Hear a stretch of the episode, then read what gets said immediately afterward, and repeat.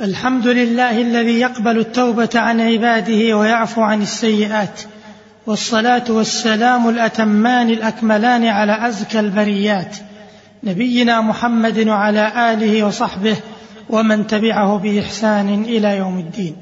معاشر المستمعين الكرام سلام الله عليكم ورحمته وبركاته. أما بعد فإن التوبة وظيفة العمر وبداية العبد ونهايته. وأول منازل العبودية وأوسطها وآخرها. وإن الحديث في هذه الحلقة سيكون حول مشهد التوبة في الحج. فالحديث عن التوبة جميل في كل وقت فكيف إذا كان الحديث عنها في مثل هذه الأيام المباركة التي يثوب فيها الغاوون ويقصر المتمادون ويكثر التائبون العائدون. فما أجمل بالحاج بعد أن قام بأعمال الحج وختمها بالذكر والاستغفار أن يطبع عليها بطابع التوبة النصوح. أيها المستمعون الكرام لقد فتح الله بمنه وكرمه باب التوبة حيث أمر بها ووعد بقبولها مهما عظمت الذنوب. قال الله تبارك وتعالى وأنيبوا إلى ربكم وأسلموا له من قبل أن يأتيكم العذاب ثم لا تنصرون. وقال عز وجل وهو الذي يقبل التوبة عن عباده ويعفو عن السيئات ويعلم ما تفعلون. وقال في حق أصحاب الأخدود الذين حفروا الحفر لتعذيب المؤمنين وتحريقهم بالنار إن الذين فتنوا المؤمنين والمؤمنات ثم لم يتوبوا فلهم عذاب جهنم ولهم عذاب الحريق. قال الحسن البصري رحمه الله انظروا إلى هذا الكرم والجود قتلوا أولياءه وهو يدعوهم إلى التوبة والمغفرة. انتهى كلامه.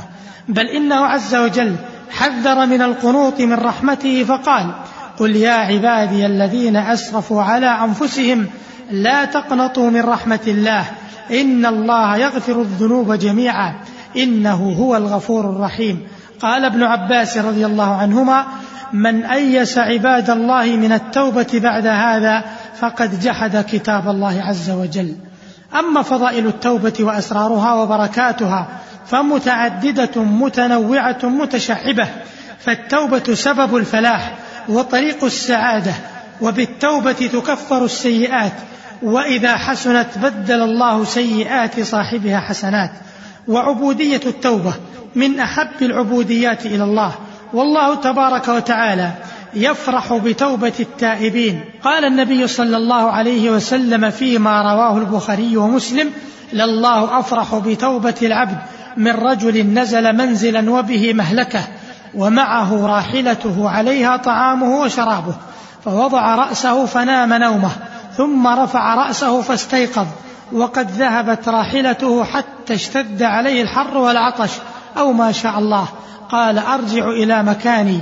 فرجع فنام نومه ثم رفع رأسه فإذا راحلته عنده. ولم يجئ هذا الفرح في شيء من الطاعات سوى التوبة. ومعلوم أن لهذا الفرح تأثيرا عظيما في حال التائب وقلبه.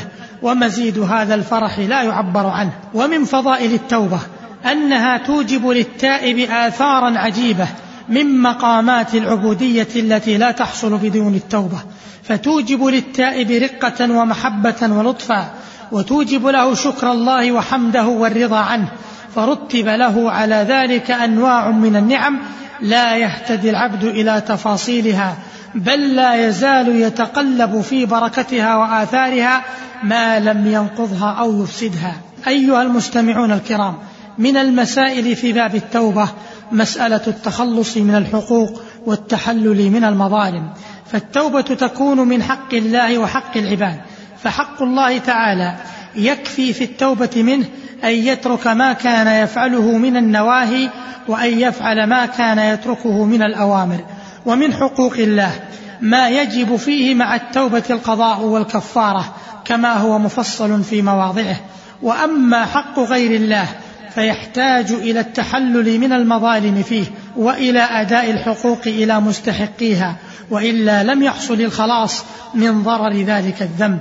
قال النبي صلى الله عليه وسلم من كان لأخيه عنده مظلمة من مال أو عرض فليتحلله اليوم قبل أن لا يكون دينار ولا درهم إلا الحسنات والسيئات.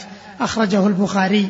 ولكن من لم يقدر على الإيصال بعد بذله الوسع في ذلك فعفو الله مأمول فإنه يضمن التبعات ويبدل السيئات حسنات. أيها المستمعون الكرام ومن لطائف التوبة أنها واجبة ومستحبة فالتوبة الواجبة تكون من فعل المحرمات وترك الواجبات والتوبة المستحبة تكون من فعل المكروهات وترك المستحبات. فمن اقتصر على التوبة الأولى كان من المقتصدين الأبرار ومن تاب التوبتين كان من السابقين المقربين ومن لم يأت بالأولى الواجبة كان من الظالمين. ومن المسائل في باب التوبة مسألة التوبة النصوح وهي الخالصة الصادقة الناصحة الخالية من الشوائب والعلل. وهي التي تكون لمحض خوف الله وخشيته والرغبة فيما لديه والرهبة مما عنده فمن كانت هذه حالة غفرت ذنوبه كلها وإذا حسنت توبته بدل الله سيئاته حسنات.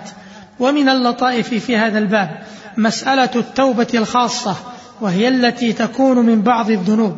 فالواجب على العبد أن يتوب من جميع الذنوب صغيرها وكبيرها لكن إذا تاب من بعضها مع إصراره على بعضها الآخر قبلت توبته مما تاب منه ما لم يصر على ذنب آخر من نوعه. مثال ذلك أن يتوب من الربا وهو مصر على شرب الخمر فتقبل توبته من الربا وهكذا. وقد يتصور أن يتوب الإنسان من الكثير من الذنوب دون القليل منها لأن لكثرة الذنوب تاثيرا في كثرة العقوبة وصعوبه التوبة. وبالجملة فكل ذنب له توبة خاصة وهي فرض منه لا تتعلق بالتوبة من غيره فهذه هي التوبة الخاصة وحكمها أنها تصح فيما تاب منه شريطة أن يكون التائب باقيا على أصل الإيمان. والسر المسألة أن التوبة تتبعض كالمعصية فيكون تائبا من وجه دون وجه. ومن اللطائف في التوبة مسألة رجوع الحسنات إلى التائب بعد التوبة فإذا كان للعبد حسنات ثم عمل بعدها سيئات استغرقت حسناته القديمة وأبطلتها ثم تاب بعد ذلك توبة نصوحا عادت إليه حسناته القديمة ولم يكن حكمه حكم المستأنف لها بل يقال له تبت على ما أسلفت من خير فالحسنات التي فعلتها في الإسلام أعظم من الحسنات التي يفعلها الكافر في كفره من عتاقة وصدقة وصلة وبر. قال حكيم بن حزام رضي الله عنه قلت يا رسول الله أرأيت أشياء كنت أتحنث بها يعني أتعبد بها في الجاهلية من صدقة أو عتاقة أو صلة رحم فهل فيها من أجر؟ فقال النبي صلى الله عليه وسلم أسلمت على ما أسلفت من خير رواه البخاري ومسلم. قال ابن حجر رحمه الله في شرح الحديث لا مانع من أن يضيف الله إلى حسناته في الإسلام ثواب ما كان صدر منه في الكفر تفضلا واحسانا انتهى كلامه. وقال ابن القيم رحمه الله مبينا العلة في ذلك وذلك لأن الإساءة المتخللة بين الطاعتين قد ارتفعت بالتوبة وصارت كأنها لم تكن فتلاقت الطاعتان واجتمعتا والله أعلم انتهى كلامه.